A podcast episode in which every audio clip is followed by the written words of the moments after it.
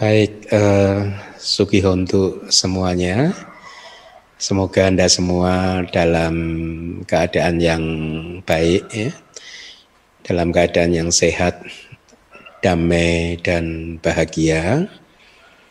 Senang sekali kita kembali bisa bertemu di kelas yang penuh dengan berkat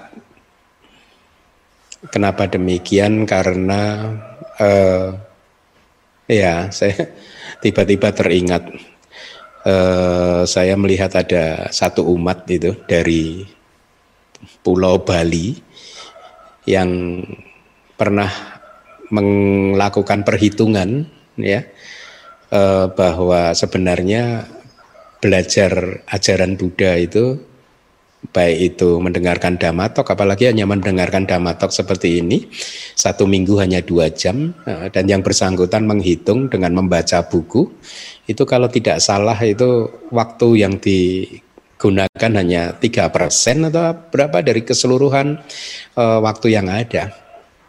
Ya.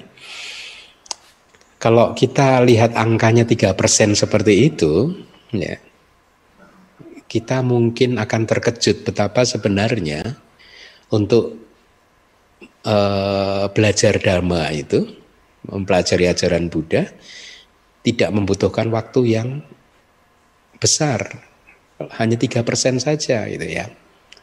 Saya tidak ingat angkanya, tapi mungkin kira-kira seperti itu karena dalam konteks yang berbeda dulu beberapa tahun yang lalu di DBS juga saya sampaikan kepada umat hal yang mirip, hal yang serupa. Jadi sebenarnya tidak banyak waktu untuk uh, mendengarkan atau belajar ajaran Buddha. Bayangkan Seandainya saja, seandainya saja Anda itu mendengarkan kata-kata Buddha itu satu minggu dua jam saja selama hari minggu di kelas Pariyati Sasana, satu minggu dua jam dan setelah itu Anda tidak mendengarkan ajaran Buddha lagi, ya.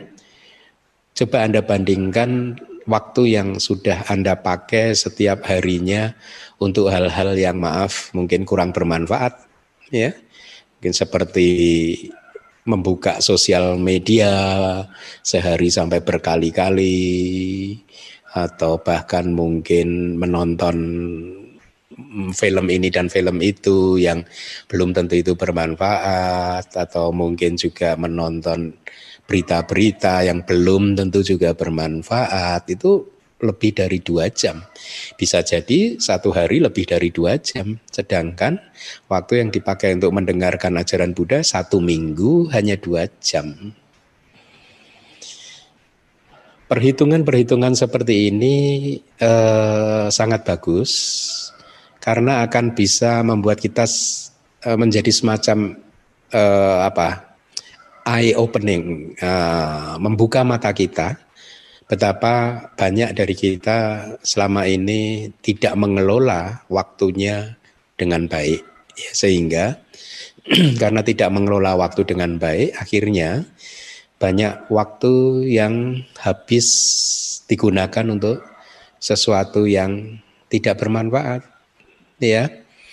Tidak bermanfaat untuk perkembangan spiritual kita tidak bermanfaat juga sebab dalam hal mengumpulkan bekal tidak hanya untuk kehidupan saat ini tetapi juga bekal untuk kehidupan yang akan datang ya. Anda semua harus ingat bahwa selama Anda belum menjadi arahat maka kehidupan ini bukan kehidupan yang terakhir. Akan selalu ada kehidupan setelah yang ini itu ya kehidupan di masa depan bagi seorang putu jana itu tidak menentu ya. Putu jana kemungkinan besar bahkan lahir di apaya kemungkinan besar. Sebagian besar putu jana lahir di apaya setelah uh, kematiannya gitu. Tentu saja mengingat hal seperti ini harusnya membuat kita menjadi semakin disiplin di dalam mengelola waktu kita, membagi waktu kita. Ya, Anda harus merenung dan bertanya kepada diri sendiri, apa yang sudah Anda lakukan di dalam kehidupan kali ini? Apakah Anda benar-benar sudah menjadi seorang murid Buddha, umat Buddha yang baik? Apakah pandangan-pandangan benar Anda sudah kokoh yang memahami bahwa kehidupan ini yang sekarang ini bukan kehidupan yang terakhir dan oleh karena itulah kita harus benar-benar berbuat baik ya tidak hanya berbuat baik, ketika berbuat baik itu kita saat itu pun menjadi bahagia, tetapi perbuatan baik ini menjadi modal. menjadi modal untuk perjalanan kehidupan kita sehingga supaya uh, agar supaya kita bisa uh, dalam tanda kutip meningkatkan karir uh, spiritual kita di setiap uh, kelahiran. Nah, jadi tiga persen, bayangkan tidak banyak. Nah, Anda bisa berhitung mungkin angkanya tidak tepat tiga persen, tapi saya yakin plus minusnya sedikit saja begitu. Sangat sedikit sekali gitu. Tetapi waktu yang Anda gunakan yang tiga persen ini atau yang dua jam satu minggu ini itu sangat-sangat penting sekali. Ya, penting sekali. Bahkan mungkin boleh dikatakan lebih penting dari semua kegiatan sehari-hari Anda. Kenapa saya mengatakan demikian? Karena yang akan Anda dengarkan nanti adalah kata-katanya Buddha.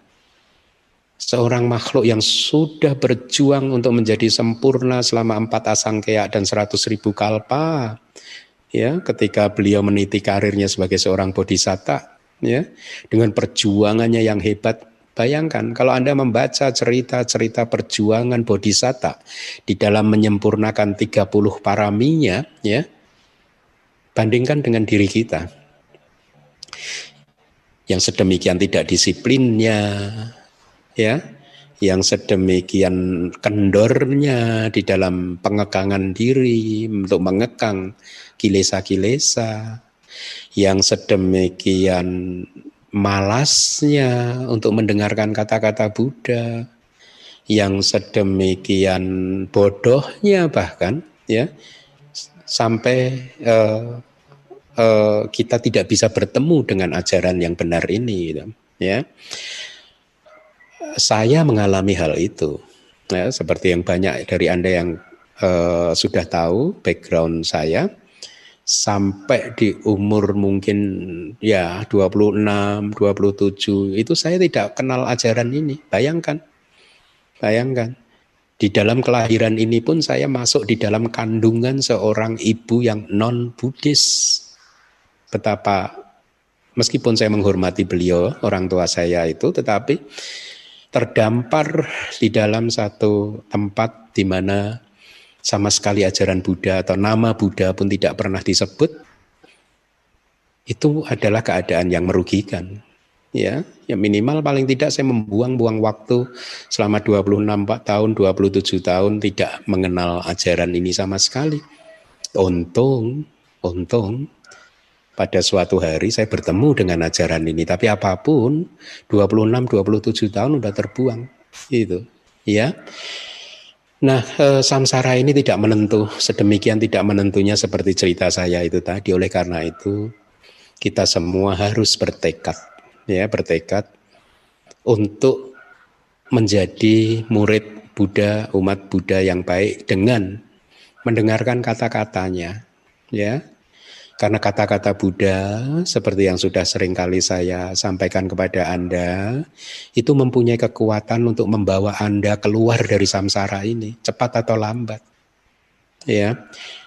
Bahasa palinya niya nika kalau Anda ingin mencatatnya N I W A A-nya panjang, ada garis di atasnya, kemudian N I K A biasa. Niya nika mempunyai kekuatan yang sehebat itu bisa membuat siapa pun yang mendengarkannya dengan penuh perhatian ya.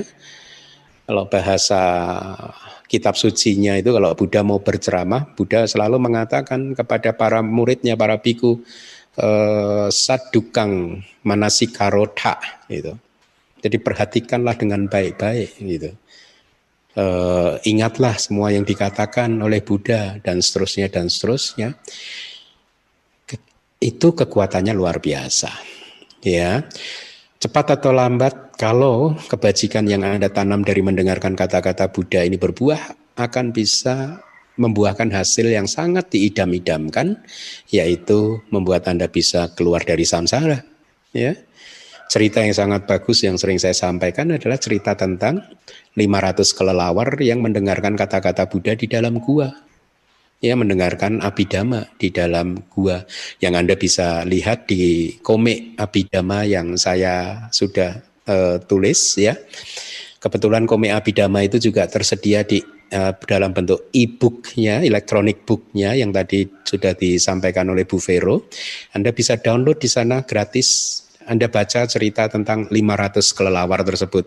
Ya, jadi kalau di e-book di di Android Anda ketik nama saya misalkan Asin Keminda dan akan muncul itu apa e-book atau e-komik ya e, sejarah Abidama ya.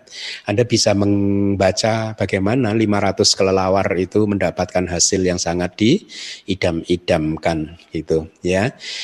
Baik, eh, pagi hari ini kita masih kembali mempelajari suta di Iti Utaka ya.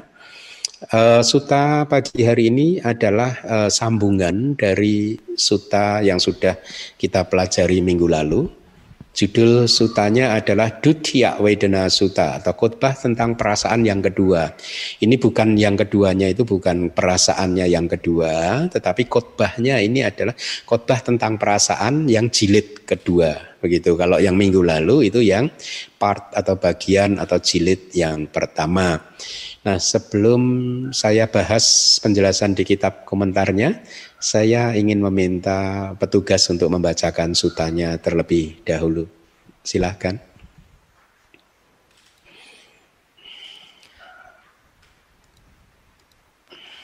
Khotbah tentang perasaan yang kedua, Dutia Wedana Suta. Ini benar-benar telah dikatakan oleh begawan, dikatakan oleh seorang arahanta.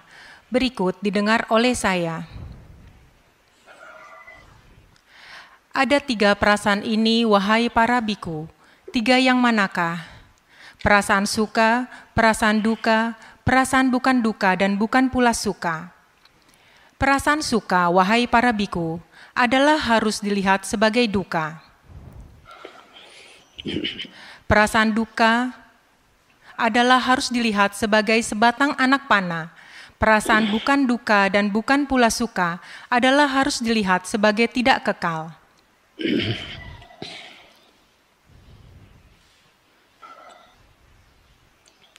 Ketika wahai para biku,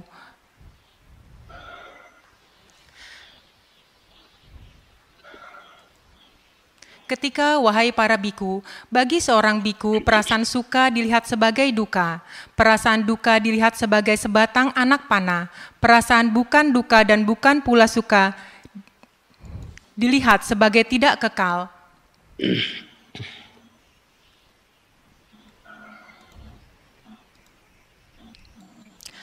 Biku ini dikatakan, wahai para biku, sebagai seorang biku yang mulia, seorang yang memiliki pandangan benar, seorang yang telah menghancurkan nafsu kehausan, seorang yang telah membuang belenggu, sebagai seorang yang telah mengakhiri duka melalui penembusan kesombongan dengan benar.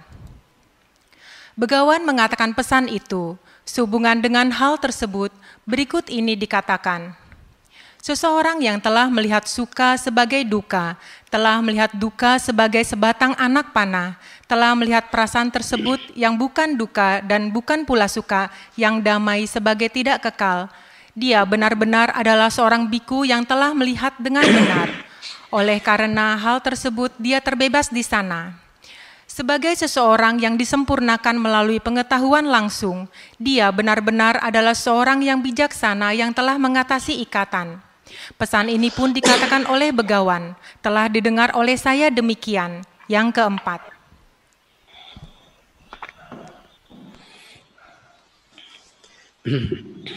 Baik, eh, terima kasih. Itu tadi adalah khotbahnya. Jadi Kembali lagi, eh, kita akan mempelajari apa itu eh, perasaan, ya. Di suta yang mungkin tahun lalu itu saya sampaikan dan Anda bisa lihat di eh, kanal uh, YouTube DBS judulnya adalah Bahu Wedania Sutta. Buddha menguraikan perasaan menjadi dalam banyak jenis perasaan begitu. Tetapi di dua suta yang e, minggu lalu dan suta yang kali ini, Buddha menguraikan perasaan hanya ke dalam tiga klasifikasi saja atau tiga jenis perasaan saja, yaitu perasaan suka, duka, dan e, perasaan yang netral atau duka mak suka, bukan duka dan bukan suka. Nah, pertama-tama Anda harus mengetahui perasaan itu apa, ya. Perasaan atau wedana itu adalah salah satu dari 52 faktor mental atau dalam bahasa sehari-hari bisa saja Anda terjemahkan atau Anda pakai istilahkan sebagai satu energi batin ya yang mempunyai karakteristik untuk uh, mengalami objek, untuk merasakan objeknya begitu ya. Nah, perasaan tersebut itu adalah fenomena yang terkondisi, ya. Fenomena yang muncul karena ada sebab dan kondisi yang membuatnya dia muncul, gitu. Minggu lalu mungkin sudah disampaikan kalau perasaan suka itu muncul ketika objeknya itu adalah menyenangkan. Perasaan duka muncul ketika objeknya adalah tidak menyenangkan. Perasaan bukan duka dan bukan pula suka muncul ketika objeknya adalah netral-netral saja ya. Majata aramana objek yang di tengah-tengah saja begitu. Antara objek yang menyenangkan dan di satu sisi di sisi yang lain adalah objek yang tidak menyenangkan. Jadi bahasa uh, um, untuk mudahnya bisa diistilahkan objeknya netral-netral saja gitu Nah, walaupun Abhidhamma memberikan definisi tentang bagaimana menentukan sebuah objek itu menjadi menyenangkan atau tidak menyenangkan atau netral, ya ada banyak sekali definisinya yang minggu lalu juga sudah saya sampaikan, ya. Tetapi bagi seorang putu jana, ya, bagi seorang putu jana, karena masih mempunyai persepsi yang terdistorsi, persepsi yang terjungkir balik, gitu ya yang melihat sesuatu secara berkebalikannya, itu bisa saja objek yang menyenangkan menjadi dianggapnya atau dipersepsikan sebagai objek yang tidak menyenangkan. Sehingga ketika seharusnya dia melihat objek yang menyenangkan itu adalah buah dari karma baik dia, tetapi karena persepsi negatif dia akhirnya malah memunculkan perasaan duka cita. Perasaan yang tidak senang, perasaan yang tidak menyenangkan gitu, ya. Ya contohnya ya misalkan bagi seorang non Buddhis ketika melihat Buddha Rupang mungkin Buddha Rupang bagi mereka itu bukan objek yang menyenangkan. Ya. Tetapi bagi kita Buddhis Buddha Rupang itu adalah objek yang menyenangkan. Memang secara kategori dan analisisnya Buddha Rupang itu dikategorikan ada sebagai objek yang menyenangkan karena ini adalah simbol dari seseorang yang baik, seseorang yang kehidupannya bersih sejak lahir sampai parinibbana tidak pernah bertengkar, tidak pernah uh, konflik dan lain sebagainya. Jadi secara umum Buddha Rupang itu memang merupakan objek yang menyenangkan ya. Tapi bagi mereka yang masih mempunyai persepsi yang terdistorsi, khususnya bagi LD yang saya berikan contoh, atau bahkan mungkin umat Buddha yang eh, persepsinya sedang negatif, ketika melihat Buddha Rupang, maka yang ada adalah perasaan marah, jengkel, dan lain sebagainya. Ya, Nah itulah mengapa Putu Jana itu berbahaya. Ya, dan itulah mengapa kembali lagi mempunyai pengetahuan e, kitab suci itu menjadi penting sekali karena dengan pengetahuan-pengetahuan kitab suci tersebut persepsi-persepsi yang salah bisa diperbaiki. Nah, berkaitan dengan sifat dan karakteristik perasaan yang seperti itu, Buddha mengatakan e, mengajarkan bahwa perasaan itu setiap momen muncul. Jadi kapan pun, menit kapan pun, detik kapan pun, selalu ada perasaan. Dengan kata lain, di sepanjang kehidupan Anda dari awal samsara sampai nanti itu uh, apa uh, mencapai parinibbana di sepanjang kehidupan ya uh, perasaan itu selalu muncul.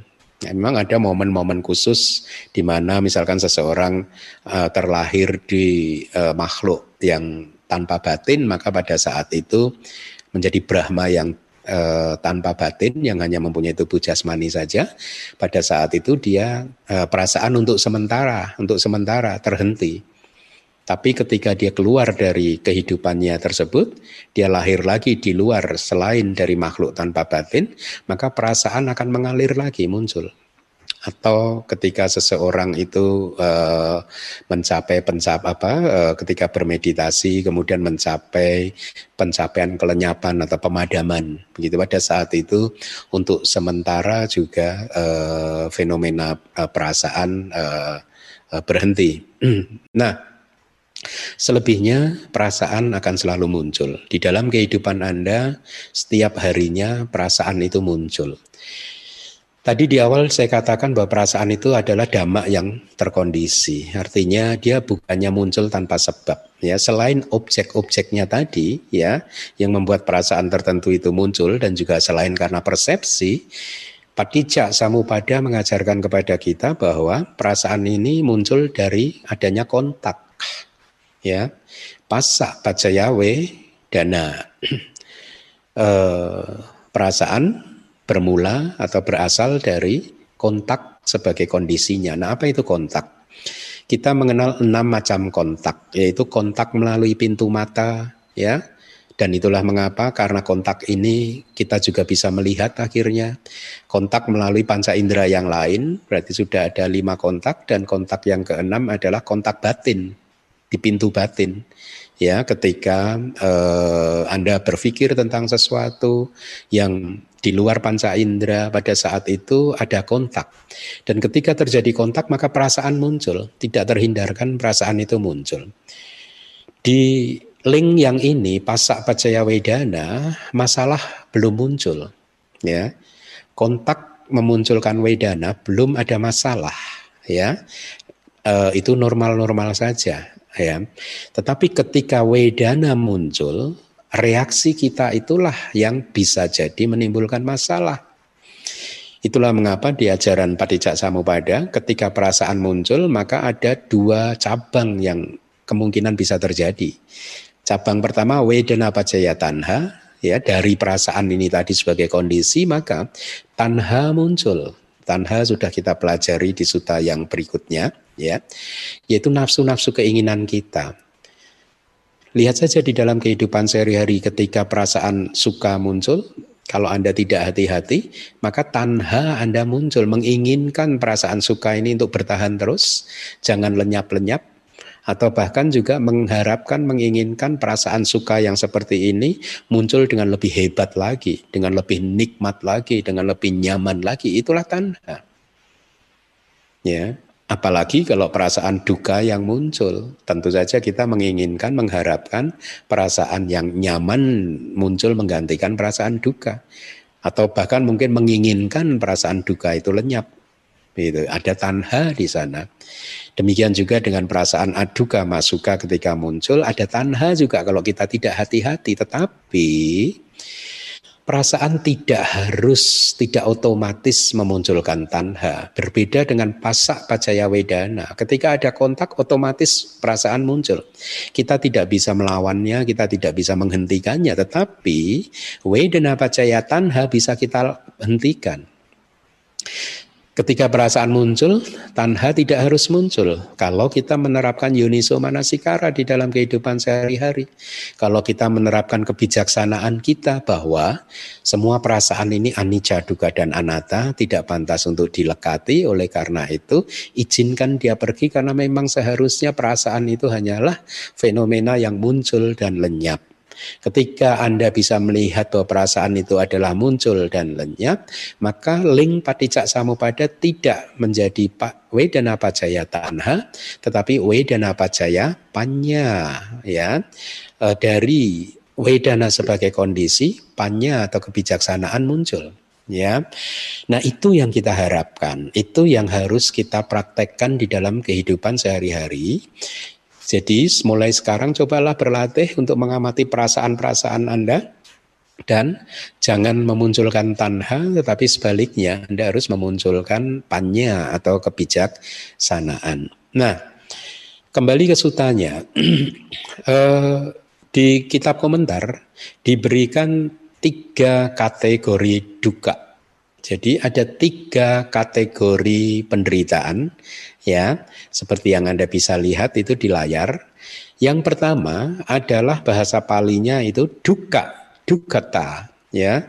Artinya keadaan duka yang ada di dalam rasa sakit atau rasa duka tadi, duka wedana ya. Di situ saya uraikan rasa sakit itu menjadi dua, dua jenis perasaan yang berbeda, yaitu satu perasaan duka dan yang kedua adalah perasaan duka cita. Perasaan duka itu berkaitan dengan rasa sakit di yang e, berhubungan dengan tubuh jasmani. Ketika Anda tertusuk duri, ada rasa sakit di sana, itu yang disebut oleh Buddha sebagai perasaan duka atau duka wedana ya.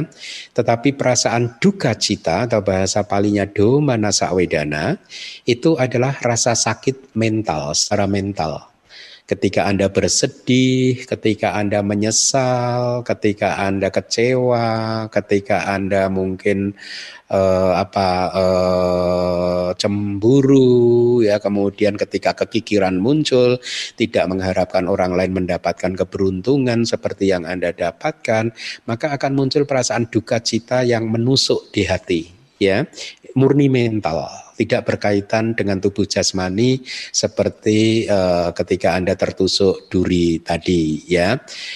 Nah, keadaan duka di dalam rasa sakit ini ya termasuk juga mungkin sakit kepala dan lain sebagainya ya. Yang jadi intinya ini adalah rasa sakit yang berhubungan dengan tubuh jasmani. Keadaan duka atau kategori duka yang kedua, duka itu penderitaan ya adalah sangkara dukata.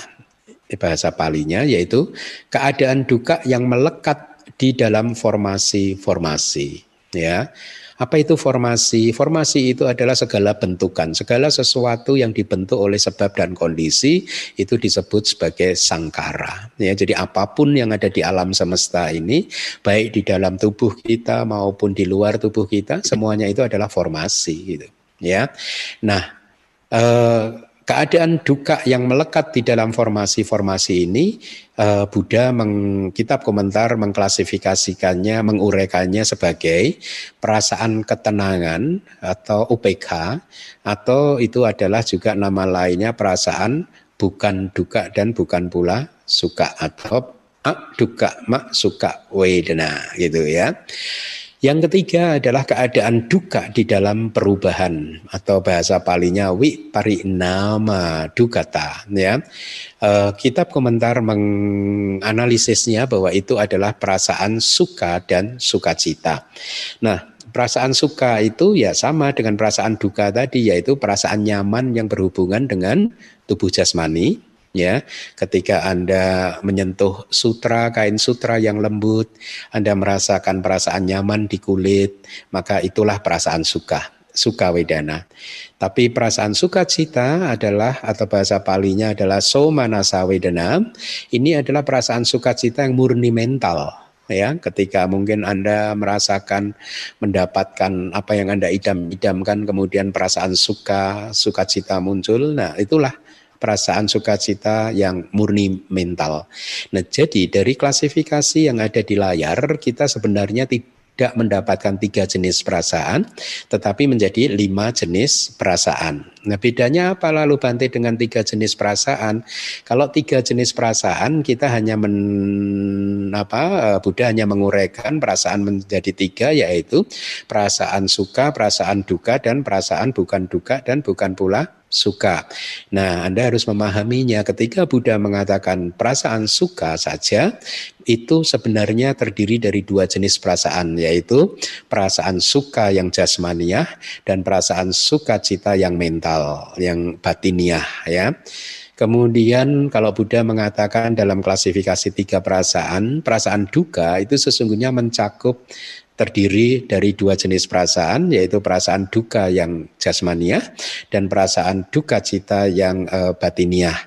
Kemudian perasaan yang ketiga, ak duka mak suka Wedana itu adalah perasaan UPK atau ketenangan. Jadi dua plus dua plus satu ada lima ya. Nah kembali lagi ketiga kategori duka. Ya, jadi sebenarnya suta ini uh, apa membawa kita kepada satu pemahaman bahwa perasaan apa pun yang muncul itu duka itu itu nanti di dalam bagian akhir di suta akan disampaikan bahwa semuanya ini adalah duka. Oleh karena itu jangan dilekati dan hanya dengan cara demikianlah kita bisa menjalani kehidupan ini dengan penuh kedamaian. Makanya kembali lagi mendengarkan kata-kata Buddha itu sangat powerful karena bisa membuat kehidupan kita itu menjadi semakin positif, damai dan bahagia. Nah, kebanyakan dari uh, manusia atau orang-orang berpikir bahwa hidup dan dunia ini menawarkan keindahan dan kebahagiaan, ya. Uh, mereka memahami duka itu dalam uh, konteks yang sangat minimalis. Memahami duka itu dalam artian yang sangat sederhana yaitu ketika sakit kepala, waduh duka sakit ya, atau ketika sakit gigi ya, atau ketika sedih ya mungkin bagi yang masih pacaran ditinggal pacar mengalami kesedihan ya, atau ketika dimarahi oleh orang tua atau dimarahi oleh orang yang kita sayangi, kita hormati, ada perasaan sedih di sana. Nah kebanyakan orang eh, memahami duka hanya sebatas itu saja ya. Tapi di suta ini nanti kita akan diajarkan bahwa no no tidak hanya perasaan duka saja yang disebut penderitaan, tetapi perasaan suka, perasaan duka, masuka pun itu adalah penderitaan. Jadi tujuannya adalah membu untuk membuat kita supaya kita tidak merindukan sesuatu ya. Tetapi sebaliknya kita bebas dari kerinduan apa pun ya. Sebaliknya kita bisa menerima perasaan yang muncul apa pun dengan lapang dada dengan penuh kebijaksanaan yang mengetahui bahwa perasaan ini hanyalah sesuatu yang muncul dan lenyap dan dengan demikian perasaan apa pun itu adalah penderitaan gitu ya. Nah Pemahaman bahwa penderitaan hanya sebatas sakit kepala, sakit gigi, ditinggal pacar atau tidak punya pekerjaan, tidak punya uang itu pemahaman yang tidak memerlukan wipasana. Pemahaman yang sangat mudah diketahui, semua orang tahu bahwa itu adalah penderitaan. Tetapi jarang orang yang mengetahui bahwa ketika segalanya kehidupan ini sedang berjalan dengan baik-baik saja, itu pun juga adalah penderitaan. Ya, oleh karena itulah kategori duka yang pertama yaitu duka dukata, yaitu keadaan penderitaan yang ada di dalam rasa sakit itu tidak membutuhkan pengetahuan wipasana untuk merealisasinya.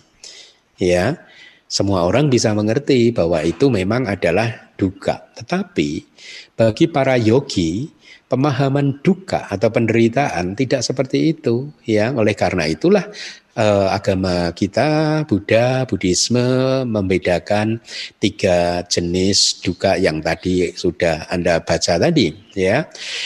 Nah, yang pertama duka dukata, eh, keadaan duka di dalam rasa sakit tadi dikatakan adalah duka wedana, yaitu yang eh, jasmania dan domanasa wedana yaitu yang batiniah ya. Duka jenis ini eh, sering sekali diistilahkan sebagai eh, uh, duka dukata itu sering sekali diistilahkan diterjemahkan menjadi penderitaan yang uh, umum, penderitaan yang biasa saja ya yang tadi saya katakan tidak membutuhkan meditasi untuk bisa merealisasinya.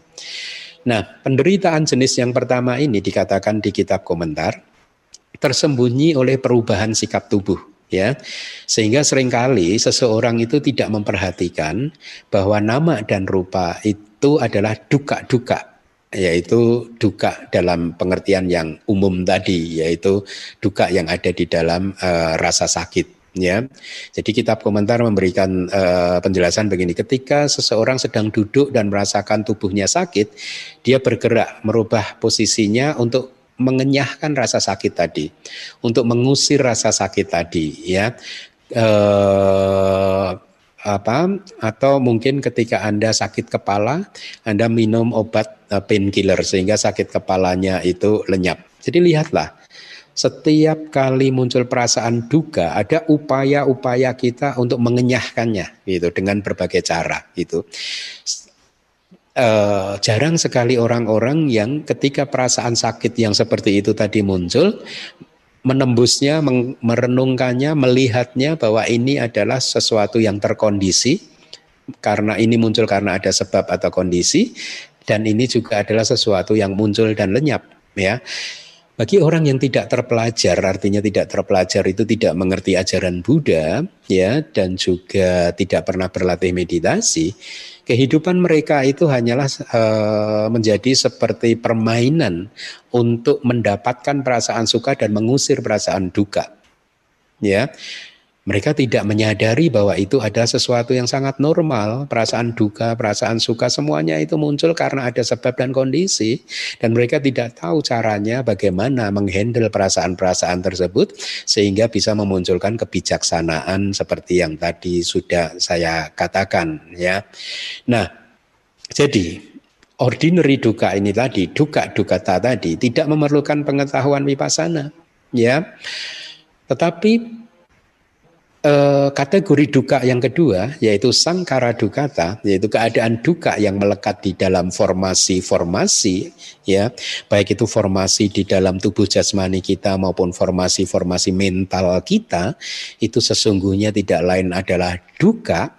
Untuk bisa memahaminya ini Anda harus berwipasana ya. Untuk bisa memahami ini maka Anda harus mengembangkan pengetahuan-pengetahuan wipasana mereka yang tidak mempunyai pengetahuan wipasana tidak bisa melihat bahwa sesungguhnya sangkara ini juga duka. Sesungguhnya semua formasi-formasi ini adalah juga duka gitu ya. Nah, duka dari jenis yang kedua ini sangkara dukata tercermin dari sifat nama dan rupa batin dan jasmani yang senantiasa menekan kita ya. Senantiasa menekan itu artinya apa? Dia menekan melalui kemunculan dan kelenyapannya. Ya, itulah mengapa definisi duka dalam konteks ini diberikan sebagai berikut. Ya, jadi penderitaan disebut sebagai penderitaan karena ya situasi yang ditekan atau dibombardir oleh muncul dan lenyapnya fenomena ya fenomena itu apa saja? Bisa fenomena materi dan juga juga bisa fenomena mental termasuk fenomena perasaan. Segalanya itu hanyalah muncul dan lenyap. Nah situasi muncul dan lenyap yang terus menerus muncul dan lenyap tanpa jeda seperti itu itulah yang disebut penderitaan. Dan ini harus direalisasi melalui vipassana ya Anda bisa saja membaca dari buku-buku saya tetapi pembacaan tersebut tidak mempunyai kekuatan untuk menghancurkan kilesa Meskipun mempunyai teori pun itu sangat baik karena bisa membuat Anda tahu cara untuk mengelola kehidupan dengan lebih positif lagi, tetapi teori tidak pernah bisa menghancurkan kilesa. Hanya wipasana yang bisa menghancurkan kilesa gitu ya. Nah, eh, itu adalah jenis eh, keadaan duka yang melekat di eh, formasi-formasi dan kitab komentar menjelaskannya ini adalah masuk dalam yang termasuk dalam keadaan duka ini adalah perasaan yang netral yaitu perasaan ak duka dan mak suka ya. Kemudian kategori penderitaan yang terakhir adalah wi nama duka, yaitu keadaan duka di dalam perubahan. Ya, e, kitab komentar menjelaskan wi nama duka atau keadaan penderitaan di dalam yang ada di dalam perubahan itu adalah perasaan suka. Ya, perasaan suka bisa juga termasuk perasaan somanasa, jadi suka dan sukacita. Ya baik itu perasaan suka jasmania maupun juga perasaan sukacita yang uh, batiniah gitu. Kenapa perasaan suka dan juga perasaan sukacita ini juga disebut penderitaan? Dia disebut wi pari nama dukata yaitu keadaan penderitaan yang ada di dalam perubahan. Jadi perasaan suka dan sukacita juga disebut sebagai penderitaan dalam konteks ya kelenyapan dari dua jenis perasaan ini menjadi satu kondisi untuk kemunculan perasaan yang berlawanan yaitu duka dan domanasa. Anda bayangkan saja ketika pada suatu saat Anda merasakan ada perasaan suka atau sukacita dan Anda tahu bahwa itu tidak kekal, maka ketika perasaan suka dan sukacita sudah tidak ada lagi, kemungkinan yang ada ya kalau tidak perasaan duka dan duka cita ya perasaan duka mak suka itu ya. Jadi perasaan suka dan perasaan sukacita disebut sebagai penderitaan karena kelenyapannya membawa atau memunculkan perasaan duka dan uh, doma, uh, duka cita ya. Jadi kembali lagi di sini Buddha dan para guru kitab komentar mengajarkan kepada kita untuk tidak melekat kepada jenis perasaan apa pun ya dengan menguraikan seperti yang tadi sudah saya sampaikan Itulah kesimpulannya.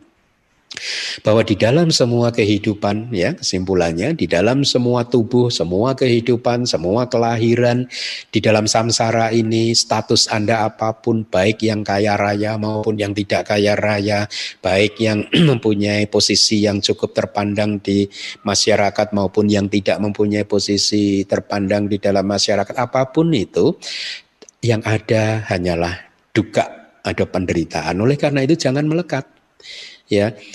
Dan hanya dengan ketika Anda tidak melekati ini semua, maka kehidupan menjadi lebih nyaman, menjadi lebih damai, gitu ya. Jadi tidak ada orang yang bisa lolos dari tiga jenis duka yang diberikan oleh guru agung kita Buddha Gotama. Paham ya? Jadi karena semuanya ini termasuk duka, maka tidak ada yang bukan duka di dalam ama alam semesta ini. Perasaan suka pun juga termasuk duka. Perasaan suka cita pun juga termasuk uh, duka begitu ya. Nah, tadi di suta dikatakan begini. Suka wedana atau perasaan suka itu harus dilihat sebagai duka. Berarti perasaan suka harus dilihat dengan menggunakan kata kitab komentar nyana caku. Nyana caku itu berarti mata kebijaksanaan ya. Tidak dengan menggunakan kedua bola mata kita tetapi menggunakan mata yang disebut kebijaksanaan ya. Seperti ini. Jadi ini realisasi di dalam wipasana yang diberikan di dalam kitab komentar begini. Perasaan suka adalah duka ya. Dalam arti duka karena perubahan itu Anda harus memahaminya. Ya memang perasaan suka itu adalah menyenangkan, tetapi karena dia berubah, maka itulah mengapa perasaan suka pun disebut sebagai duka.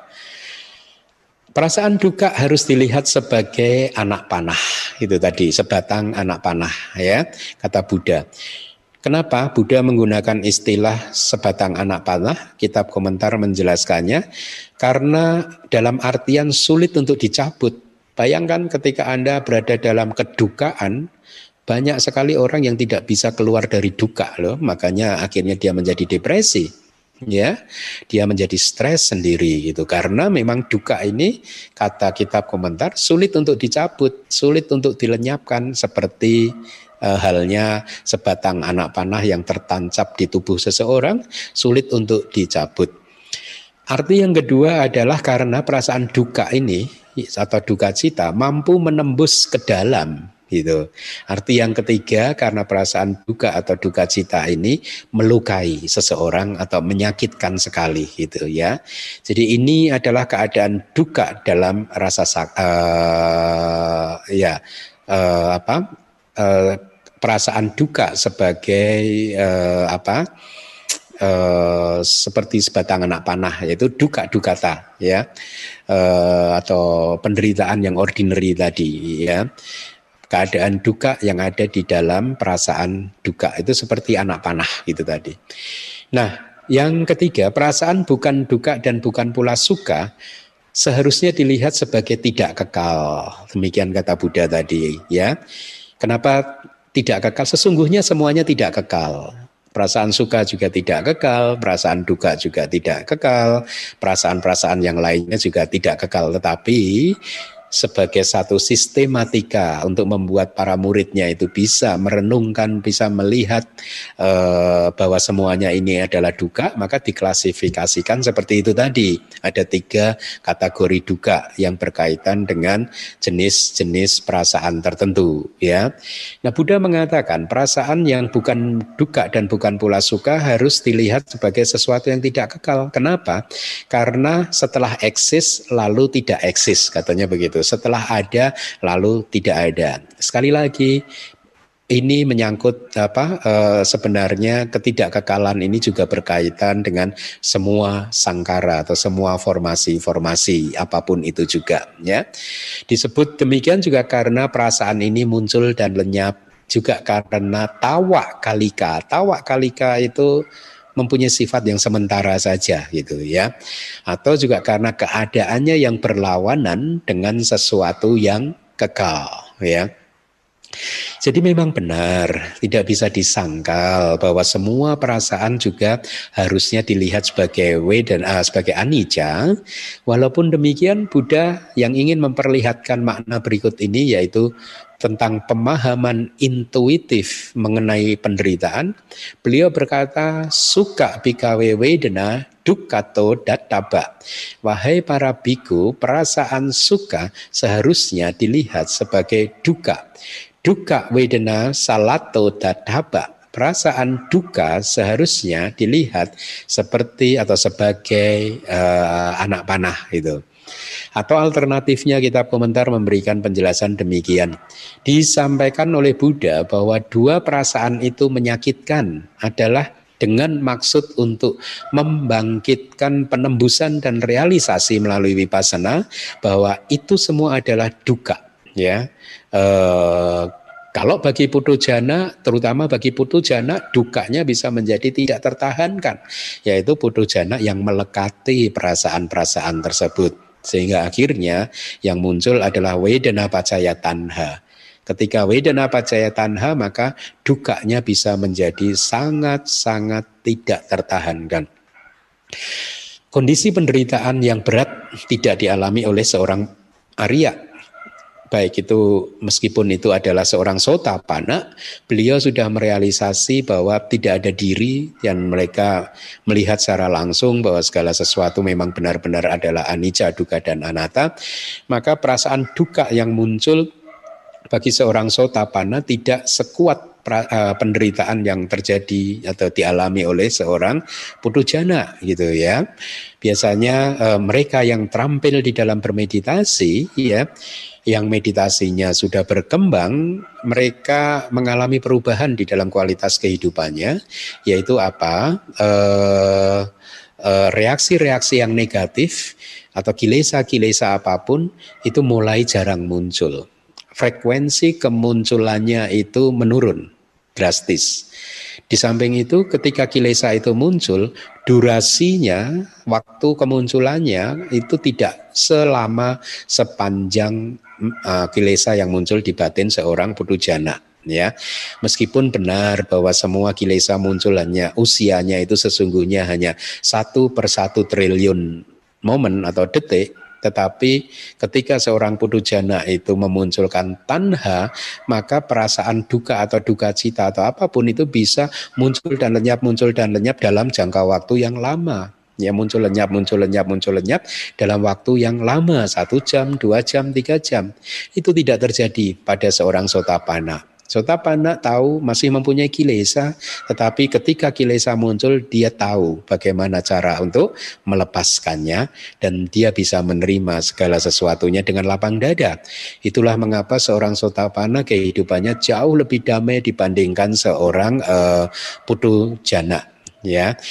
Nah, jadi di sini ditekankan oleh Buddha bahwa sekali lagi semua sangkara atau formasi-formasi itu adalah duka jadi setelah mengatakan perasaan suka seharusnya dilihat sebagai duka, merujuk pada definisi duka yang disebabkan oleh perubahan seperti dalam kalimat yat anicang tang dukang, apa pun yang anicca itu adalah duka.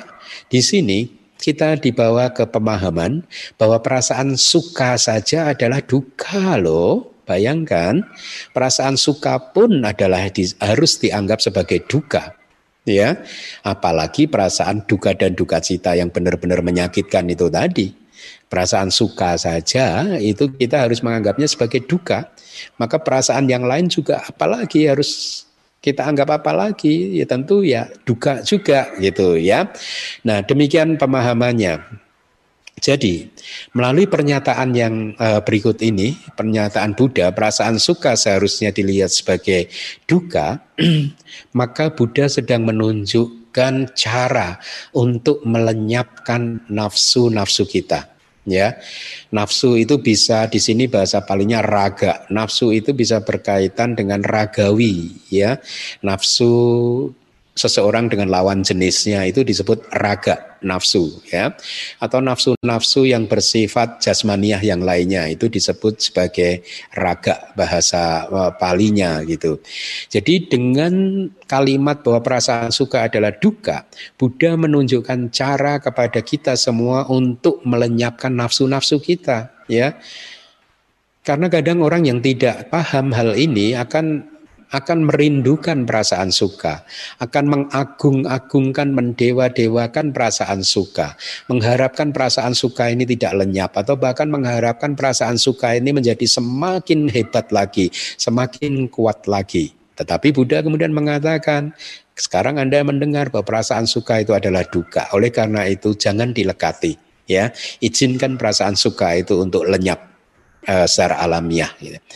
Nah, kenapa demikian? Bahwa dengan menunjukkan perasaan suka adalah duka, Buddha sedang menunjukkan jalan untuk melenyapkan nafsu karena raga anusaya, ya, anusaya itu tendensi laten. Kilesa yang masih tertidur, yang dinamakan nafsu, itu dia tertidurnya di dalam perasaan suka. Demikian kata kitab komentar ya.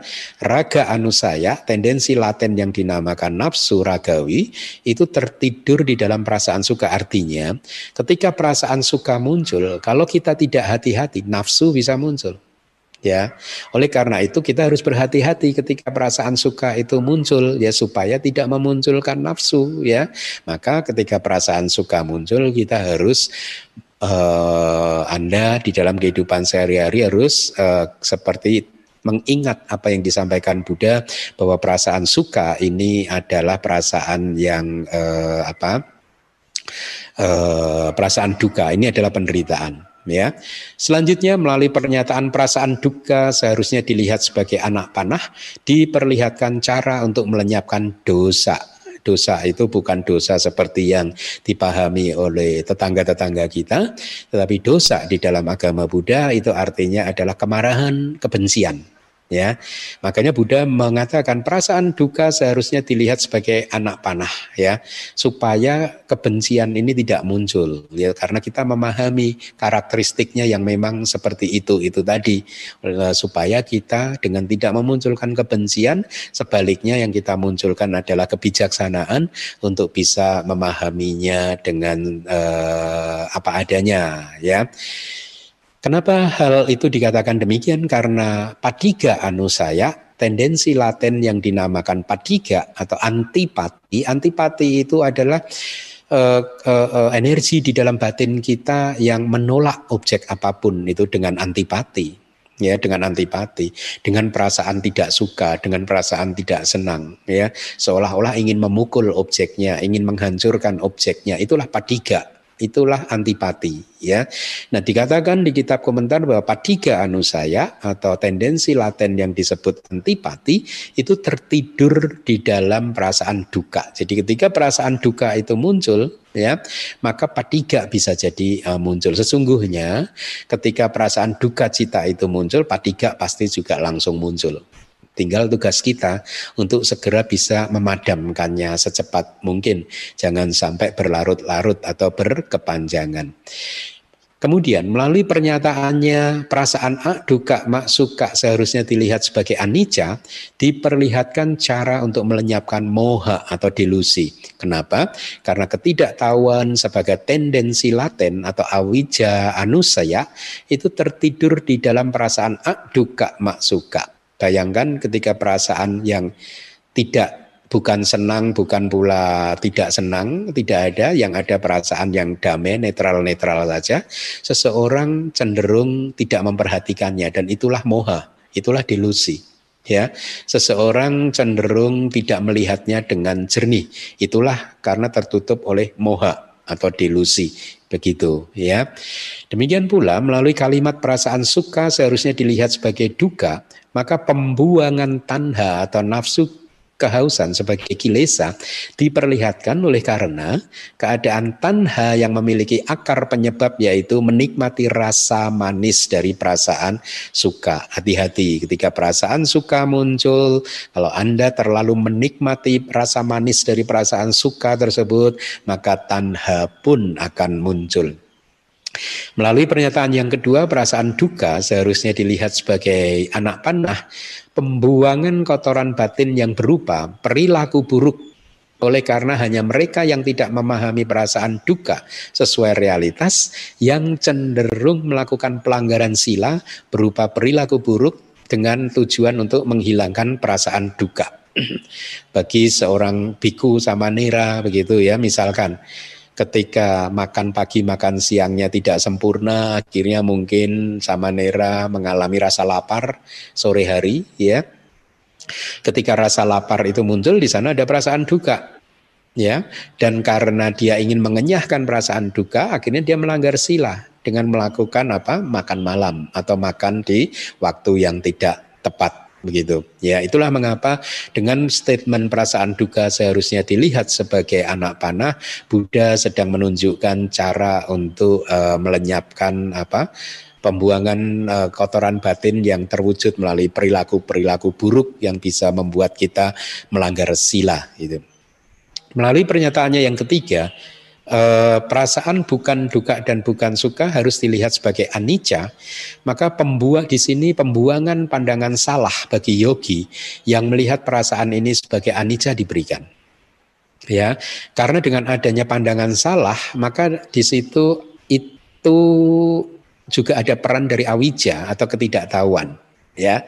Eh, bagi mereka yang paham abidama mengerti ketika pandangan salah muncul maka di situ ada awija ada moha ya. E, maka dengan pernyataan yang ketiga ini Buddha mengatakan e, bermaksud untuk menunjukkan jalan kepada kita untuk membuang pandangan salah gitu ya. Nah di bagian berikutnya, di bagian akhir dari sutta, Buddha mengatakan seorang biku yang mulia, artinya seseorang yang berdiri tegak jauh dari kotoran-kotoran batin, seorang yang batinnya murni, seorang yang batinnya suci atau seorang Arya ya. Kemudian ada lagi tadi dikatakan oleh Buddha di Sutta, seseorang yang memiliki pandangan benar, artinya seseorang yang melihat bahwa semua perasaan itu bisa dilihatnya dengan jelas, dengan sesuai realitas, tidak berkebalikan dari yang sesungguhnya, dia bisa melihat bahwa semuanya itu ya seperti yang tadi sudah disampaikan ya. Dan akhirnya yogi tersebut bisa melihat dengan jelas empat kebenaran mulia. Di bagian lain dari suta tadi dikatakan ada seseorang yang menghancurkan atau yang telah menghancurkan nafsu kehausan. Sebagai orang yang telah memotong tanha yang merupakan akar dari semua perasaan. Itu kata kitab komentar. Tanha ini akar dari semua perasaan tetapi ini baru bisa dipotong melalui jalan arahata. Ya, artinya hanya ketika Anda menjadi seorang arahat ya, ya, maka Anda bisa menghancurkan perasaan itu tanpa sisa. Maksudnya apa itu Bante? Arahat tidak memiliki perasaan lagi masih. Beliau masih mempunyai perasaan uh, duka yang jasmania masih bisa muncul ya uh, kemudian perasaan somanasa dan perasaan UPK uh, eh, masih bisa muncul, perasaan suka yang jasmania juga bisa muncul. Tetapi uh, semua perasaan itu sudah kehilangan kekuatannya. Itulah mengapa tidak bisa memunculkan tanha lagi. Ya dan itulah mengapa semua itu tidak memiliki potensi atau kekuatan untuk menghasilkan buah karma gitu ya. Jadi jalan arahata menghancurkannya tanpa sisa dalam pengertian yang seperti itu. Tadi di suta yang berikutnya, bagian berikutnya ada kalimat seseorang yang telah membuang belenggu artinya telah menghancurkan sepuluh belenggu, sepuluh sang yojana ya, yang membuatnya tidak berakar lagi di dalam samsara ini. Kemudian ada kalimat di suta penembusan kesombongan dengan benar artinya dia menembusnya dengan melihatnya secara langsung di dalam wipasana ya dan kesombongan itu hanya bisa dihancurkan oleh jalan arahata. Jadi ketika seseorang mencapai jalan arahata atau arahata maga pada saat itu arahata maga menghancurkan kesombongan faktor mental kesombongan. Di suta juga dikatakan seseorang yang telah mengakhiri duka, artinya ketika atau dengan pencapaian arahata maga tadi, jalan arahata, maka dia telah mengakhiri watak duka. Watak duka itu artinya atau seorang arahat sudah mengakhiri watak duka. Arti dari watak duka adalah penderitaan di dalam siklus kelahiran dan kematian. Jadi ketika Anda menjadi seorang arahat, Anda sudah mengakhiri penderitaan di dalam siklus kelahiran dan penderitaan. Seorang arahat telah membuat duka hanya tersisa di tubuhnya yang terakhir itu. Itu kata kitab komentar ya. Seseorang yang telah melihat suka sebagai duka artinya seseorang di sini adalah seorang Arya ya. Jadi meskipun di kitab komentar dijelaskan seseorang yang melihat suka sebagai duka itu adalah seorang Arya tetapi bukan berarti putu jana juga tidak dianjurkan untuk melihat. Lebih baik Anda juga terus melihat bahwa perasaan suka itu pun juga adalah duka atau penderitaan supaya tidak melekatinya supaya tidak memunculkan tanha gitu ya. Jadi perasaan suka harus dilihat sebagai duka karena perasaan suka itu seperti makanan, demikian kata kitab komentar, tapi makanan yang bercampur dengan racun. Jadi walaupun menyenangkan makanannya itu lezat, tetapi ketika dimasukkan ke dalam tubuh cepat atau lambat akan menjadi um, akan meracuni tubuh kita, akan membuat kita sakit ya ketika perasaan nyaman itu muncul ya. Jadi uh, itu yang disampaikan di kitab komentar. Kemudian telah melihat duka sebagai sebatang anak panah yogi melihat perasaan ini di dalam wipasana lagi. Dia melihat bahwa perasaan duka di momen kemunculannya kelangsungannya dan peruraiannya ya. Jadi perasaan duka itu ada tiga momen muncul kelangsungan dan peruraian atau kelenyapannya gitu ya itu sifatnya menyerang perasaan duga itu. Menyerang dan menyakiti seseorang seperti anak panah yang menembus tubuh gitu ya. Nah oleh karena itu tadi di bagian suta berikutnya seseorang yang telah melihat perasaan tersebut yang bukan duka dan bukan pula suka yang damai sebagai tidak kekal dijelaskan di kitab komentar demikian. Walaupun perasaan jenis ini dirasakan lebih damai dibandingkan suka dan duka, tetap saja dia adalah anicca. Dia benar-benar adalah seorang biku yang telah melihat dengan benar, demikian kata sutanya, artinya dia telah benar-benar melihat tiga jenis perasaan itu sebagai duka, sebagai anak panah, dan sebagai anicca. Demikian. Seorang biku yang telah terbebas artinya terbebas dengan kekuatan pembebasan melalui samut cedak wimuti. Samut cedak wimuti itu pembebasan melalui kehancuran total ya. Dan Suta kemudian berlanjut sebagai seorang yang disempurnakan melalui pengetahuan langsung penjelasannya demikian sebagai orang yang telah melaksanakan tugas dan kewajibannya yaitu mengembangkan jalan mulia berunsur delapan yang menyelesaikannya melalui pengetahuan yang lebih tinggi yang keenam catabinya pengetahuan yang lebih tinggi yang keenam. Anda harus ketahui ada enam pengetahuan yang lebih tinggi atau enam abinya Lima yang pertama adalah duniawi, sedangkan yang keenam adalah adi duniawi. Yang e, lima yang pertama itu seperti mata dewa, telinga dewa dan lain sebagainya. Ya, yang keenam itu adalah eh, abinya yang disebut pengetahuan tentang kehancuran dari semua noda-noda batin. Jadi ketika Anda mencapai tingkat kesucian arahat, Anda tahu bahwa noda-noda batin Anda telah hancur. Itulah yang disebut apinya yang keenam ya. Dan itu terjadi ketika Anda yogi sudah mengembangkan empat kebenaran mulia sebagai subjek meditasi melalui melalui wedana atau perasaan sebagai pintu masuk. Kata damai di dalam suta artinya damai yang disebabkan karena kilesa-kilesa telah reda ya seperti nafsu dan lain-lain. Jadi bayangkan ingat bahwa kedamaian hanya terjadi ketika kilesa-kilesa sudah reda atau yang lebih tinggi lagi ketika kilesa-kilesa sudah dihancurkan. Ya, walaupun kita belum bisa menghancurkan semua kilesa secara total, tetapi kita sebenarnya bisa meredakan kilesa-kilesa itu. Semakin terampil Anda, semakin cepat Anda bisa memadamkan kilesa-kilesa yang muncul. Bahkan ketika Anda sangat terampil, Anda bisa mencegah kilesa untuk tidak muncul. Dengan pengendalian diri, pengekangan diri, yoniso manasikara dan lain-lain gitu ya. Nah, Kemudian juga di bagian terakhir sekali dari sutanya ada kalimat seorang yang bijaksana yang telah mengatasi ikatan ya, yoga, ikatan. Ini abidama ya. Mengatasi ikatan kitab komentar menjelaskannya sebagai mengatasi empat macam ikatan yaitu ikatan yang dinamakan nafsu-nafsu indriawi untuk menikmati objek-objek panca indera. Yang kedua adalah ikatan yang dinamakan eksistensi atau kehidupan yaitu keinginan kita untuk terus hidup tidak ingin mati ya. Kemudian yang ketiga adalah didik ikatan yang dinamakan pandangan salah dan yang terakhir adalah awija, ikatan yang dinamakan uh, sebagai ketidaktahuan. Jadi demikianlah penjelasan dari kitab komentar tentang Sutta Dutya uh, Wedana Sutta ya. Dengan selesainya pembahasan ini maka sutta ini pun uh, telah dibabarkan dan topik tentang perasaan saya cukupkan ya. Minggu depan kita mungkin akan belajar dengan topik yang berbeda dari perasaan. Semoga bermanfaat. Terima kasih.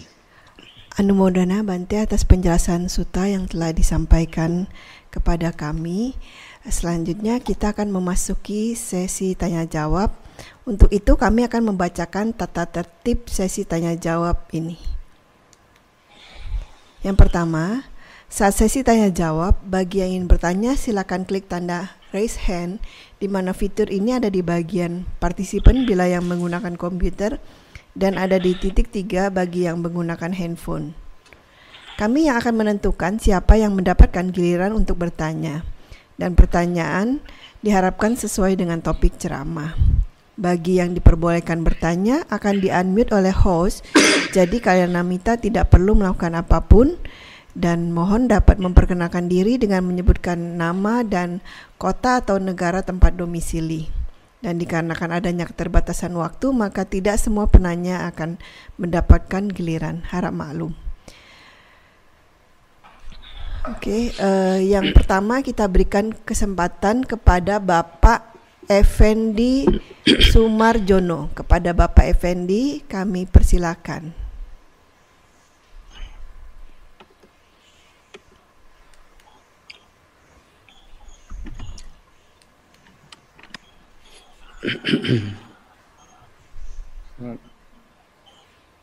Selamat pagi Bante. pagi. Oke, pagi hari ini uh, saya ingin bertanya tentang seorang beda Sotapati dan Tujana. Seorang Sotapati sudah menghancurkan Sakayaditi, Silabata, dan Wicikica. Dan Putujana masih belum menghancurkannya. Dan perbedaan seorang Sotapati dan Putujana dalam menangis, Bande. Dalam apa?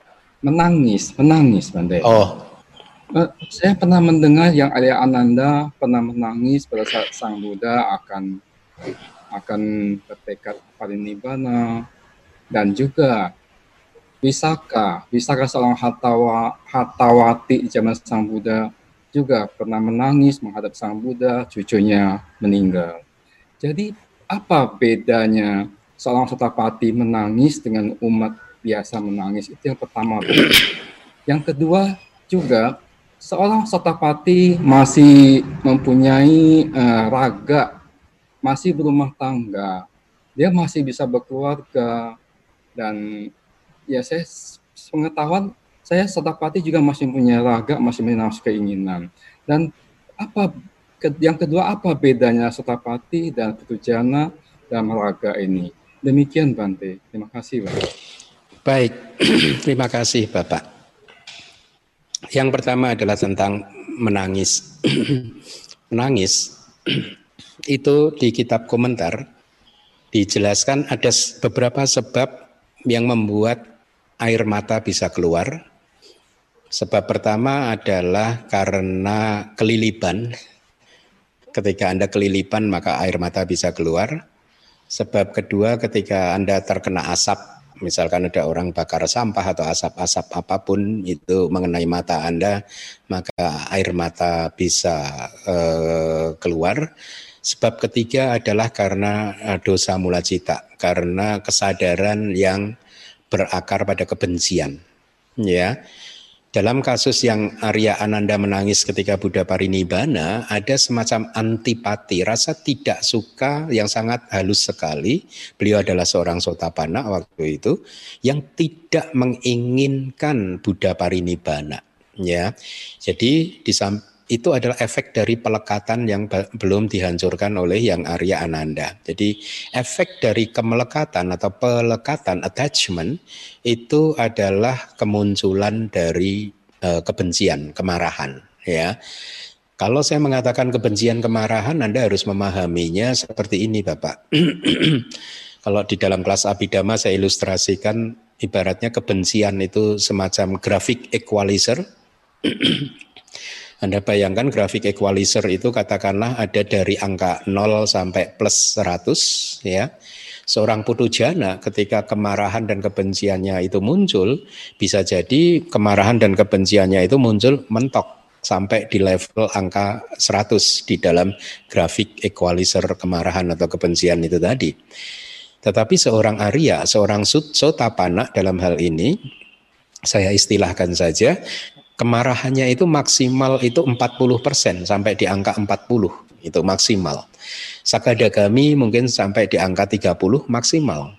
Uh, anagami uh, kemarahan dia menghancurkan kemarahan. Jadi dia tidak mempunyai uh, kemarahan lagi. Arahat nol berarti anagami pun nol, arahat pun juga nol. Sehingga dengan pemahaman seperti ini, ilustrasi seperti ini akan lebih mudah untuk Anda pahami bahwa seorang sotapana dan sakadagami pun masih bisa menangis. Kenapa? Karena dia masih mempunyai kebencian, masih mempunyai uh, antipati, patiga, uh, patiga anusaya, yaitu uh, tendensi laten yang dinamakan antipati. Dia masih mempunyai kemarahan, gitu ya. Anagami dan arahat sudah tidak bisa menangis lagi Ya. Nah, lalu yang membedakan apa? E, seorang jana menangis dan seorang sotapana atau sakadagami menangis. Nah, yang membedakan ya levelnya itu tadi, Bapak. jana kalau menangis bisa sampai ke angka pol mentok 100 dan dikatakan bahwa menangis tersebut karena muncul dari kilesa, ya. Tangisan seorang jana bisa menjadi karma buruk seandainya itu adalah karma buruk yang produktif, dia bisa memunculkan lima agregat di empat apa ya. Kalau itu menjadi karma buruk ya, dia bisa mempunyai kekuatan untuk membentuk, memunculkan pancakanda di salah satu dari empat alam apa ya, ya neraka, peta, asura dan binatang. Demikianlah kekuatan kilesa dari seorang pudujana. Tetapi kekuatan kilesa dari seorang sotapana sudah sedemikian lemahnya. Karena tadi saya ibaratkan levelnya hanya 40 sehingga kilesa-kilesa sotapana tidak mempunyai kekuatan untuk memunculkan lima agregat atau memunculkan kelahiran kembali di empat alam apa ya. Karena itulah maka sering dikatakan bagi seorang sotapana, pintu empat apaya tertutup dia tidak bisa terlahir lagi di empat apa ya. Jadi itu yang membedakan. Kekuatannya sebagai satu potensi karma bedanya sangat jauh sekali. Bedanya sangat jauh sekali. Makanya di salah satu kitab komentar ada salah satu perumpamaan yang saya sangat suka itu seperti ini, Bapak. Bagi seorang putu jana, ya, eh, jumlah kelahiran kembali di masa depan itu tidak terhitung tidak terhitung gitu. Bayangkan seperti banyaknya jumlah debu di muka bumi ini gitu. Ya, tidak terhitung. Bisa tidak terbatas bahkan. Ya, bisa tidak terbatas. Artinya bisa tanpa akhir. Kita sudah tidak bisa menghitung lagi jumlahnya itu berapa. Tetapi putu jana yang jumlah kelahirannya tidak terbatas itu tadi. Ketika dia bermeditasi dan kemudian mencapai tingkat kesucian sotapana, tiba-tiba jumlah kelahiran kembali dia di masa depan maksimal hanya tinggal tujuh kali lagi. Ya, jadi Anda lihat perbedaannya. Perbedaannya itu jauh sekali, Bapak. Ya, jauh sekali. Ya. Ada lagi penjelasan dari kitab komentar begini. Seorang Arya, seorang Sotapana, kita ambil uh, contoh ya, karena ini Arya yang paling rendah kan ya, Sotapana tapi walaupun demikian bedanya dengan putu jana itu kan jauh sekali seperti yang tadi sudah saya sampaikan ya. E, dijelaskan begini penjelasan yang lain.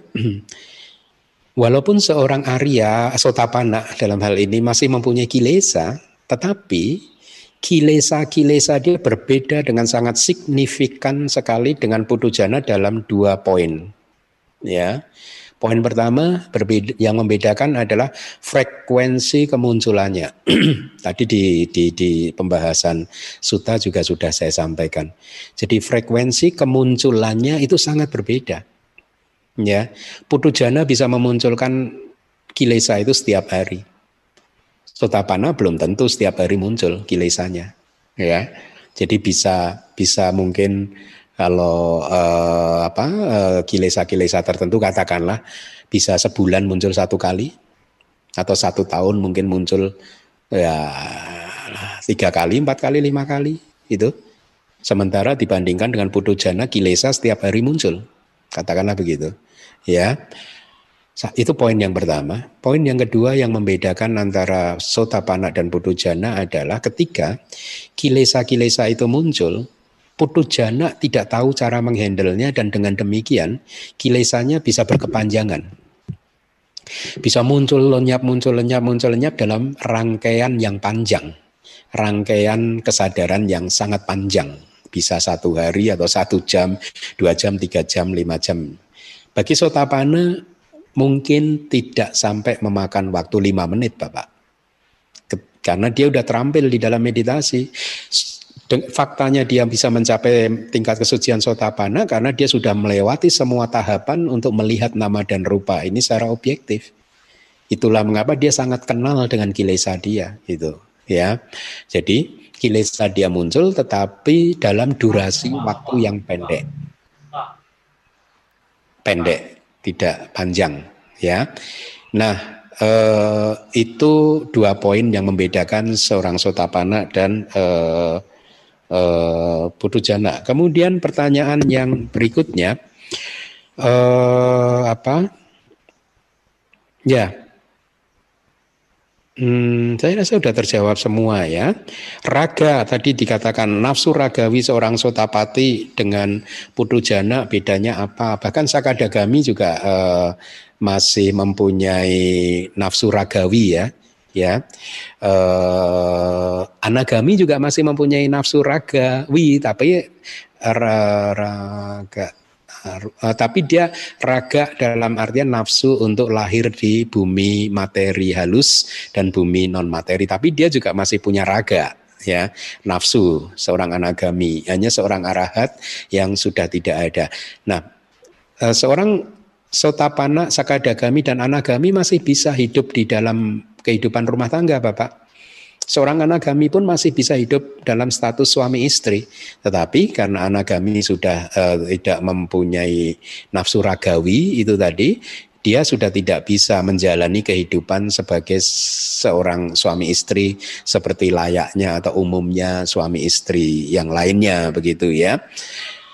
Nah, lalu apa yang membedakannya uh, nafsu ragawi seorang sotapana dan seorang pudujana? Yang membedakan ya itu tadi Bapak seperti yang sudah saya sampaikan seorang pudujana ketika dia bernafsu nafsunya bisa menggebu-gebu sekali sampai dia kemudian dikuasai oleh nafsu tersebut sampai kemudian dia bisa saja melakukan karma buruk karma buruk yang lain melakukan pelanggaran-pelanggaran sila hanya demi memuaskan nafsu-nafsunya gitu ya dia dikuasai dikendalikan oleh nafsu-nafsunya gitu seorang sotapana tidak bisa seperti itu dia tahu ada nafsu, tetapi dia segera bisa melenyapkannya, mengizinkannya untuk lenyap, untuk kemudian tidak muncul lagi. Itulah mengapa kualitas kedamaian hati seorang sotapana itu jauh berbeda dengan kedamaian hati seorang sota pudujana, ya. Dan itulah mengapa uh, Anda semua, kita semua harus mengejar itu, ya karena hanya itulah sesungguhnya yang bisa memberikan kedamaian yang relatif stabil. Semakin tinggi pencapaian kesucian Anda, semakin stabil kedamaian hati Anda. Baik, demikian dari saya. Mudah-mudahan jelas. Atas penjelasannya, eh, selanjutnya kepada Ibu Paven kami persilakan. Ibu Paven.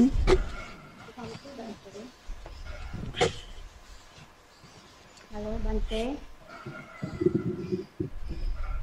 Bante. Kecil sekali loh suara Anda. Oh ya, Bante saya mau nanya ya. gini. Untuk perasaan aduka masuka itu Bante, apakah sama dengan perasaan tidak peduli? Iya. Iya. Iya.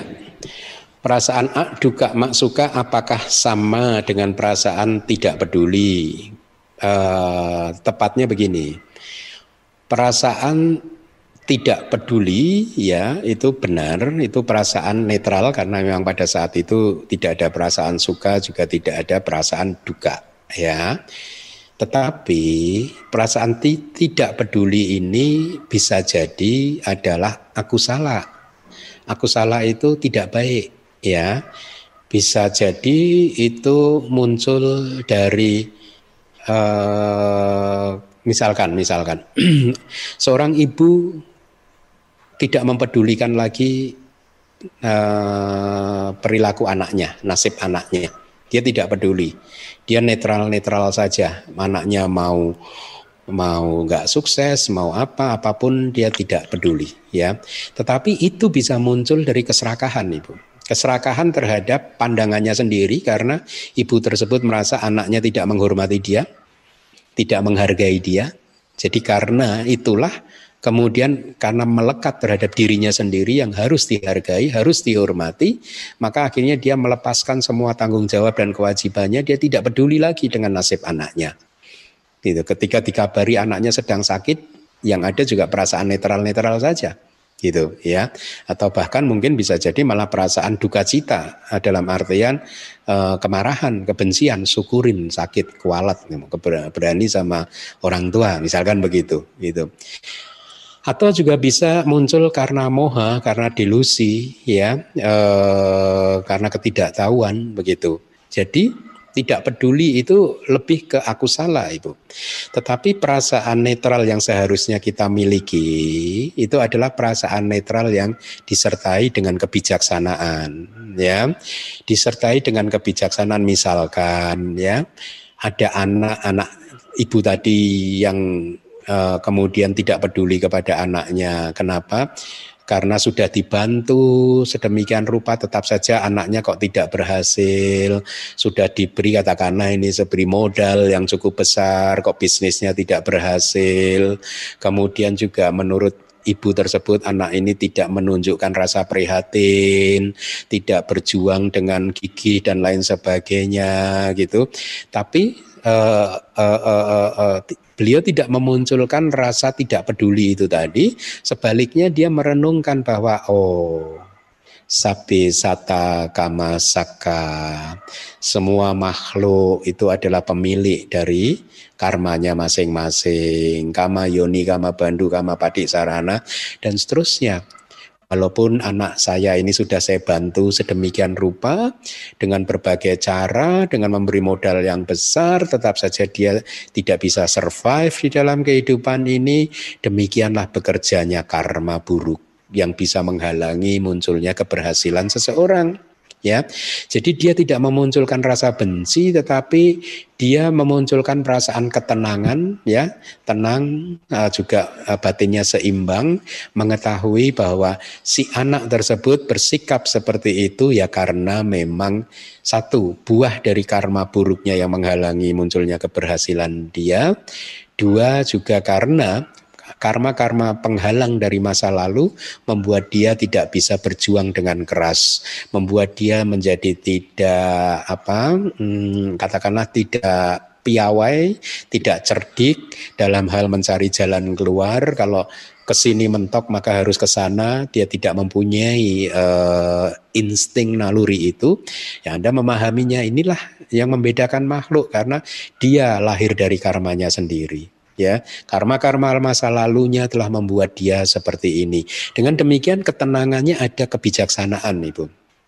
Jadi ketenangan yang demikian yang harusnya kita usahakan kita munculkan di dalam uh, kehidupan sehari-hari. Bukan ketenangan dalam konteks tidak peduli begitu ya. Kita tetap peduli ya. Tetapi uh, kita memahami katakanlah nih atau dalam contoh yang lain ada ada seseorang terkena penyakit yang mematikan katakanlah ya. Kita peduli untuk membantunya semaksimal mungkin atau minimal kita mengharapkan dia melalui apa perenungan-perenungan kita mengharapkan dia untuk bisa segera keluar dari kesulitannya. Tetapi kalaupun nanti akhirnya dia meninggal dunia ya kita merenungkan lagi. Ya memang karma produktifnya hanya sampai di situ gitu.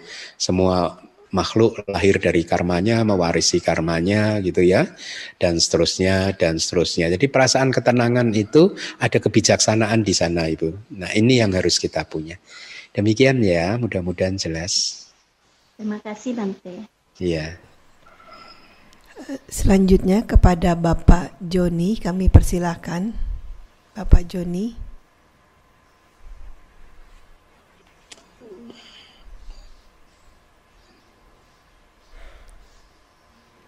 Hmm, tidak dengar. Suaranya Pak Joni, tolong mungkin belum di unmute atau gimana? Ah, Anu Modana Bante Sukioto. Saya Joni dari Medan. Yang saya mau tanya adalah Bante, eh, apakah para dewa lebih lihai dalam mengendalikan perasaan daripada kita sebagai manusia? Dan apakah dalam dewa itu para dewa equalizer dari kilesa mereka lebih rendah dari kita gitu. Nah, jadi kalau misalnya di alam dewa mereka ternyata tidak lebih mampu mengendalikan perasaan mereka, tentu lebih berbahaya hidup di alam dewa bagi yang tidak terlatih secara dharma. Demikian Bante pertanyaan saya. Baik, iya. Jadi apa yang membedakan kualitas manusia dan dewa? semakin tinggi tingkatan bumi kelahirannya, jadi kita mengenal 31 bumi kelahiran, 31 tingkatan, dari empat yang di bawah yaitu neraka peta asura binatang dan yang kelima adalah manusia. Jadi manusia ini dekat dengan apa ya tingkatannya kan? Kemudian yang bumi di atas manusia itu adalah bumi dewa-dewa indriawi. Ada enam tingkatan surga yang masih Eh, menikmati objek-objek panca indera. Kemudian di atasnya lagi juga ada dewa-dewa lagi yang ini dewa Brahma gitu ya, uh, yang lahir di sana karena uh, uh, apa uh, jana yang mereka latih di kehidupan sebelumnya berbuah gitu. Di atasnya lagi ada dewa yang non materi yang tidak mempunyai tubuh jasmani gitu. Jadi semakin tinggi tingkatan buminya itu uh, eh, kehidupan atau karma-karma baik akan semakin sering berbuah. begitu. Dengan pengertian demikian maka eh, empat apa ya itu alam paling rendah. Jadi di sana karma baik sangat jarang berbuah, sangat sangat jarang berbuah. Ya, kemudian di alam manusia ini dikatakan kita kayak imbang-imbangan begitu. Karma baik eh, lebih banyak sebenarnya karma baik kita itu yang dari masa lalu yang berbuah, tetapi masih banyak juga karma buruk yang bisa berbuah di bumi eh, manusia ini. Di enam alam surga semakin tinggi tingkatannya maka semakin banyak karma baik yang berbuah dan sebaliknya semakin banyak karma buruk yang lumpuh. Lumpuh itu artinya tidak mendapatkan kondisi atau kesempatan untuk berbuah. Itulah mengapa para dewa relatif mengalami kebahagiaan yang lebih besar dibandingkan uh, uh, manusia begitu dan mereka jarang lebih jarang mengalami buah karma buruk dibandingkan uh, manusia. Tapi walaupun demikian, walaupun demikian selama dewa itu adalah putu jana ya uh, maka kondisinya juga tidak berbeda dengan putu jana manusia, artinya sama-sama putu jana. Bahkan benar seperti yang tadi Anda katakan, bagi putu jana yang lahir di dewa bisa jadi sangat membahayakan karena kehidupan di sana penuh dengan kenyamanan, penuh dengan kebahagiaan sehingga membuat para dewa itu sering kali lupa. Dan itulah mengapa banyak para dewa yang menangis ketika dia mengetahui uh, salah satu dari lima tanda yang uh, menandakan bahwa dewa tersebut akan uh, meninggalkan meninggal dunia katakanlah begitu. Dia mereka banyak yang menangis. Ya menangisnya banyak yang tidak mau mati atau menangis karena menyesal bahwa seumur hidup dia tidak berlatih dharma ya dan itulah juga mengapa uh, di cerita-cerita kitab komentar bagi seorang manusia yang ingin lahir di alam dewa, biasanya mereka akan beraspirasi untuk lahirnya di surga Tusita. Ya, kenapa uh, beraspirasi untuk terlahir di surga uh, Tusita? Karena dikatakan di dalam kitab komentar di surga Tusita, Bodhisatta itu setiap hari membabarkan dhamma di sana. Sehingga ketika mereka lahir di surga Tusita, mereka tidak kehilangan kesempatan untuk mendengarkan dhamma dan dengan demikian mereka tidak lupa untuk terus mempraktekkan dhamma. Jadi lihat ya, bahkan dewa pun membutuhkan dhamma, apalagi kita manusia. Oleh karena itu, ya kalau tadi dikatakan di surga Tusita, eh, Bodhisatta itu setiap hari membabarkan dhamma, bayangkan jadi para dewa yang yang yang yang apa um, istilah palinya itu apa yang yang yang baik sapurisa begitu, yang saleh begitu, dia sangat ingin mendengarkan dhamma meskipun dia udah lahir sebagai dewa dia ya mendengarkan dhamma di surga tusita ya dan itulah harusnya menginspirasi kita menginspirasi anda semua untuk terus mendengarkan dhamma ya. Anggap saja anda ini adalah dewa yang bumi ini anggap saja surga tusita maka anda harus berjuang. Setiap hari harus belajar dhamma gitu ya uh, coba atur waktu. Setiap hari mendengarkan atau baca buku dhamma satu jam saja setiap hari. Dan itu tidak banyak ya seperti yang tadi di awal sudah kita bahas di awal kelas tadi ya bahwa manajemen waktu pembagian waktu pengaturan waktu kita itu harus harus harus benar gitu ya. Satu jam setiap hari saya rasa tidak banyak ya Jangan tertipu oleh dunia ini ya, hanya mengejar keduniawian saja, hanya mengejar uang saja ya.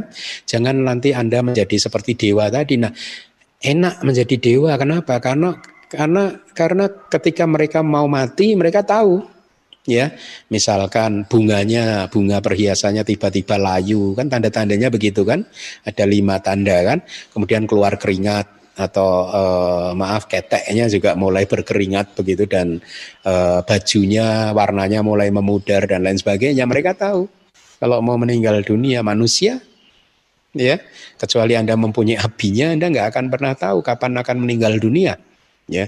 Jadi jangan tertipu lah sama dunia ini ya dengan terus menerus apa uh, mengejar dunia dengan seolah-olah Anda akan hidup selama-lamanya di dunia ini dan dengan berpikir bahwa dengan mempunyai uang yang banyak maka Anda akan bisa hidup nyaman dan lain sebagainya. No, no, no.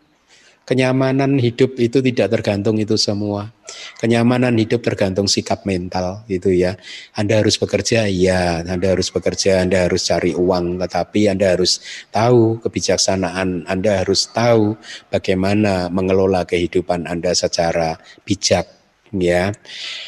Nah, itu poin yang uh, uh, bisa saya berikan. Jadi statusnya kalau dia masih putu jana ya tetap saja bisa jadi sangat membahayakan karena mereka banyak mengalami kebahagiaan di dalam kehidupannya. Jangankan dewa, uh, Bapak tadi Bapak siapa yang dari Medan tadi? Jangankan dewa, ya. Manusia saja begitu kalau kehidupan ada saja, ada saja manusia itu yang bersikap seperti itu ketika kehidupannya itu sedang baik-baik saja, mereka lupa dengan ajaran Buddha. Mereka lupa ke untuk mendengarkan kelas pariyati sasana gitu misalkan. Tapi ketika kehidupan sedang jatuh, mereka ke wihara katakanlah begitu ya. Dan itu saya saya saya alami saya lihat saya observasi uh, waktu saya tinggal di Singapura dulu saya tahunya begitu. Jadi ada salah satu umat di Singapura itu yang kira-kira seperti itu gitu. Dia itu bisa tiba-tiba muncul selama beberapa bulan habis itu hilang. Ya terus hilang selama beberapa bulan nggak pernah ke wihara nanti tahu-tahu muncul lagi begitu gitu dan uh, di apa hmm, banyak orang yang mengetahui kira-kira begini kalau dia datang ke wihara berarti hidupnya sedang penuh masalah nanti kalau dia udah nggak ke wihara berarti hidupnya sedang enak Eh jangankan dewa, manusia juga banyak yang seperti itu. Ketika hidupnya enak, dia lupa. Dia lupa bahwa yang membuat dia enak itu adalah kebajikan. Yang bisa membuat dia berbuat bajik, berbuat kebajikan dengan benar itu adalah pariyati. Dasarnya dari pariyati. Dia lupa belajar lagi, dia lupa mempraktekkan ajaran lagi gitu. Jadi Kira-kira begitu sih Bapak. E, kalau putu jana ya namanya putu jana ya seperti itu. Tapi kalau dia Arya Sotapana maka meskipun dia lahir di alam surga mana pun dia masih ingat untuk berlatih. Demikian ya. Mudah-mudahan menjawab. Terima kasih Asin. Eh, selanjutnya kepada Bapak atau Ibu Tan Sri, kami persilakan.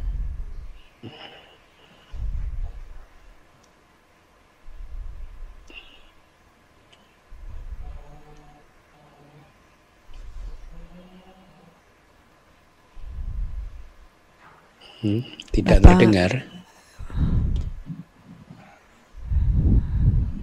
Bapak atau Ibu Tan Sri, silakan. Oh ya. Tidak terdengar. Uh, mungkin di uh, unmute atau speaker speakernya dinyalakan, Bu.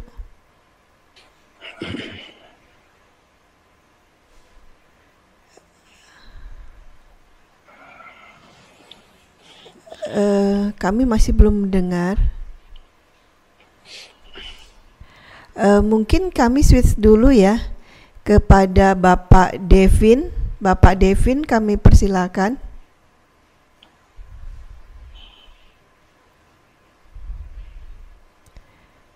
Bapak Devin.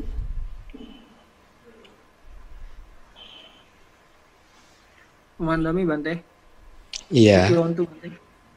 Uh, Bante, saya mau nanya Bante, saya kan pernah mendengar ceramah Bante tentang Mahal Gopala Sutta Bante. Uh, di situ Bante menyinggung tentang guru yang salah atau kurang memahami dhamma. Uh, pertanyaan saya Bante, saya mau nanya, jika kita berdana kepada Bante, kepada guru yang mungkin yang kurang memahami dhamma itu dengan guru yang memahami dhamma, apakah buahnya sama Bante? Udah itu aja Bante. Iya. Baik, baik. Terima kasih. uh, iya, uh, beberapa waktu yang lalu saya pernah uh, post di media sosial tentang donatur yang berdana tempat tinggal kepada seorang biku yang berpengetahuan itu ya. Jadi intinya ketika ada seorang donatur berdana kepada seorang biku yang berpengetahuan, maka efeknya itu begini. Karena seorang bikunya ini berpengetahuan, akhirnya dia membabarkan dhamma, gitu ya. Dan akibat dari dia membabarkan dhamma yang eh, tentu saja ini begini begini pemahamannya ini seharusnya saya juga sebenarnya baru baru menyadari juga belakangan ini itu baru menyadari bahwa ada perbedaan definisi eh, definisi tentang pembabar dhamma itu ya. Karena saya ini kan dibesarkan di negeri Myanmar ya istilahnya istilah saya karena saya ditahbiskan di sana dididik di sana gitu. Saya jadi kata anggap saja itu saya lahir dan dibesarkan di sana sebagai seorang biku ya. E, di sana itu definisinya udah baku. Yang namanya pembabar dhamma itu ya mengajarkan kitab suci gitu di sana ya. Yang namanya pembabar dhamma dhamma katiga itu ya membabarkan kitab suci. Dan kitab sucinya itu kalau di pembabaran di sana itu semua saya ada, makanya saya itu sangat saya sering katakan kepada murid-murid di DBS, ketik saya itu benar-benar saya memiliki eh, apa eh, kehidupan yang sangat nyaman ketika di Myanmar. Kenapa? Di samping saya itu memang menyukai ajaran dan dan ajaran Buddha, ya uh, saya juga sering mendengarkan ceramah-ceramah para seado gitu. Jadi ceramah-ceramah di sana itu pembabaran dhamma itu ya sekali lagi ya membabarkan kitab suci, tidak yang lainnya lagi. Itulah mengapa di sana itu standarnya itu sama dan di sana kayak ada sertifikasinya. Tidak semua pem, tidak semua biku bisa berceramah. Di Myanmar itu tidak semua biku bisa berceramah tidak semua biku juga bisa mengajar meditasi di Myanmar. Ada semacam dalam tanda kutip sertifikasinya minimal misalkan seorang biku yang sudah lulus dhamma acarya itu yang diperbolehkan untuk berceramah. Ya seperti teman-teman yang saya panggil ke sini itu teman-teman saya itu semua punya uh, ijazah dhamma acarya guru dhamma. Mereka boleh berceramah gitu. Kalau yang tidak ya tidak bisa berceramah, tidak boleh berceramah. Sama Meditasi pun juga begitu hanya guru yang mempunyai semacam dalam tanda kutip sertifikasi kama dan acarya atau guru meditasi itu yang boleh mengajar meditasi. Jadi ada ada standarnya sudah diatur sedemikian rupa di Myanmar oleh sangganya sehingga standarnya sama. Itulah mengapa ketika saya berada di Myanmar, ketika mendengarkan Dhamma Talk itu saya sangat suka dan kadang seiring dengan bertambahnya pengetahuan saya ketika sudah mau lulus itu rasa menikmatinya itu menjadi lebih lagi ketika uh, saya karena sudah semakin banyak pengetahuannya, jadi semakin bisa menyambung benang merahnya dari ceramah-ceramah itu. Ya, supaya Anda bisa lebih mudah memahami, Anda coba dengarkan ceramahnya Bante-Bante, katakanlah saya ada saya ada dari Myanmar atau eh, teman-teman uh, saya yang ada di channel YouTube-nya DBS. Itu semua mengikuti kitab, artinya hanya menyampaikan kitab suci, gitu. Nah, tadi saya katakan saya baru belakangan saja terlambat menyadari bahwa ternyata definisi itu tidak berlaku di sini gitu, tidak berlaku sehingga akhirnya bisa saja atas nama dhamma, atas nama ajaran Buddha tapi yang diajarkan adalah opini-opini pribadi yang tidak sesuai dengan ajaran Buddha. Itulah mengapa saya membuat quote ya, saya membuat quote mari kita bantu Buddha untuk menyebarkan ajarannya ya bukan sebaliknya meminjam nama Buddha untuk menyebarkan ajaran diri kita sendiri. Nah, sungguh tidak etis kalau kita berlindung memakai kebesaran nama Buddha untuk mengajarkan ajaran kita sendiri. Atau sungguh tidak etis kalau kita memakai nama Buddha atau berlindung dengan di bawah ke di belakang kebesaran nama Buddha dan kemudian kita tidak mem, sebagai seorang guru tidak mau berjuang be, belajar dengan benar itu saya rasa tidak baik ya. Kalau mau jadi guru ya harus ada komitmen untuk belajar dengan benar supaya yang disampaikan itu adalah benar-benar ajaran Buddha ya. Nah, kembali lagi tadi kepada uh, kitab komentar tadi. Ketika ada donatur berdana tempat tinggal atau wihara ya, bagi seorang biku yang berpengetahuan, maka efeknya efeknya biku tersebut akan membabarkan dhamma dan akhirnya ajaran Buddha tersebar satu. Kedua, siapa yang mendengarkannya juga mendapatkan manfaat. Ya siapa pun yang mendengarkan. Gara-gara ada donatur berdana tempat tinggal akhirnya dhamma tersebar. Dan donaturnya dengan demikian juga mendapatkan uh, kebajikan yang sangat besar gitu. Ya karena dia tahu sudah berdana tempat tinggal sehingga bikunya bisa tinggal di wihara tersebut dan akhirnya karena bikunya ini berpengetahuan maka ajaran Buddha tersebar jadi si donatur juga mendapatkan kebajikan yang sangat besar Begitu. Jadi dari kitab komentar yang seperti itu maka kita bisa e, menarik kesimpulan ya seharusnya e, berdana kepada seorang biku yang berpengetahuan. Saya tidak mengatakan tidak merujuk kepada nama biku ya, tapi ini secara umum ya. Ya harusnya itu lebih besar gitu dibandingkan e, e, berdana kepada seorang yang e, uh, yang tidak berpengetahuan. Logika kedua yang akan saya sampaikan supaya Anda tidak salah paham begini. Anda tahu tidak alasan kenapa sangga itu disebut sebagai uh, anut terang punya ketang, sebagai ladang kebajikan yang tiada tara. Kenapa? Sangga disebut sebagai ladang kebajikan yang tiada tara. Artinya ladang yang tertinggi katakanlah kebajikan bahkan melebihi kalau Anda dana kepada sangga itu buahnya melebihi uh, dana kepada uh, uh, Buddha katakanlah karena dana kepada sangga atau dana kepada perorangan dengan alasan apa pun tidak bisa mengalahkan dana kepada komunitas atau kepada sangga dalam hal ini gitu. Nah, salah satu alasannya kenapa sangga disebut sebagai ladang yang tertinggi atau tiada tara seperti itu karena kitab komentar menjelaskannya begini. Karena segala hal yang baik tentang ajaran ini muncul dari sangga. Jadi artinya sangga sebagai ladang yang tiada tara itu adalah sangga yang menyebarkan ajaran gitu ya yang membuat ajaran ini bisa tersebar gitu. Itu salah satu penjelasan dari kitab komentar loh untuk definisi kenapa sangga itu adalah ladang kebajikan yang tiada tara.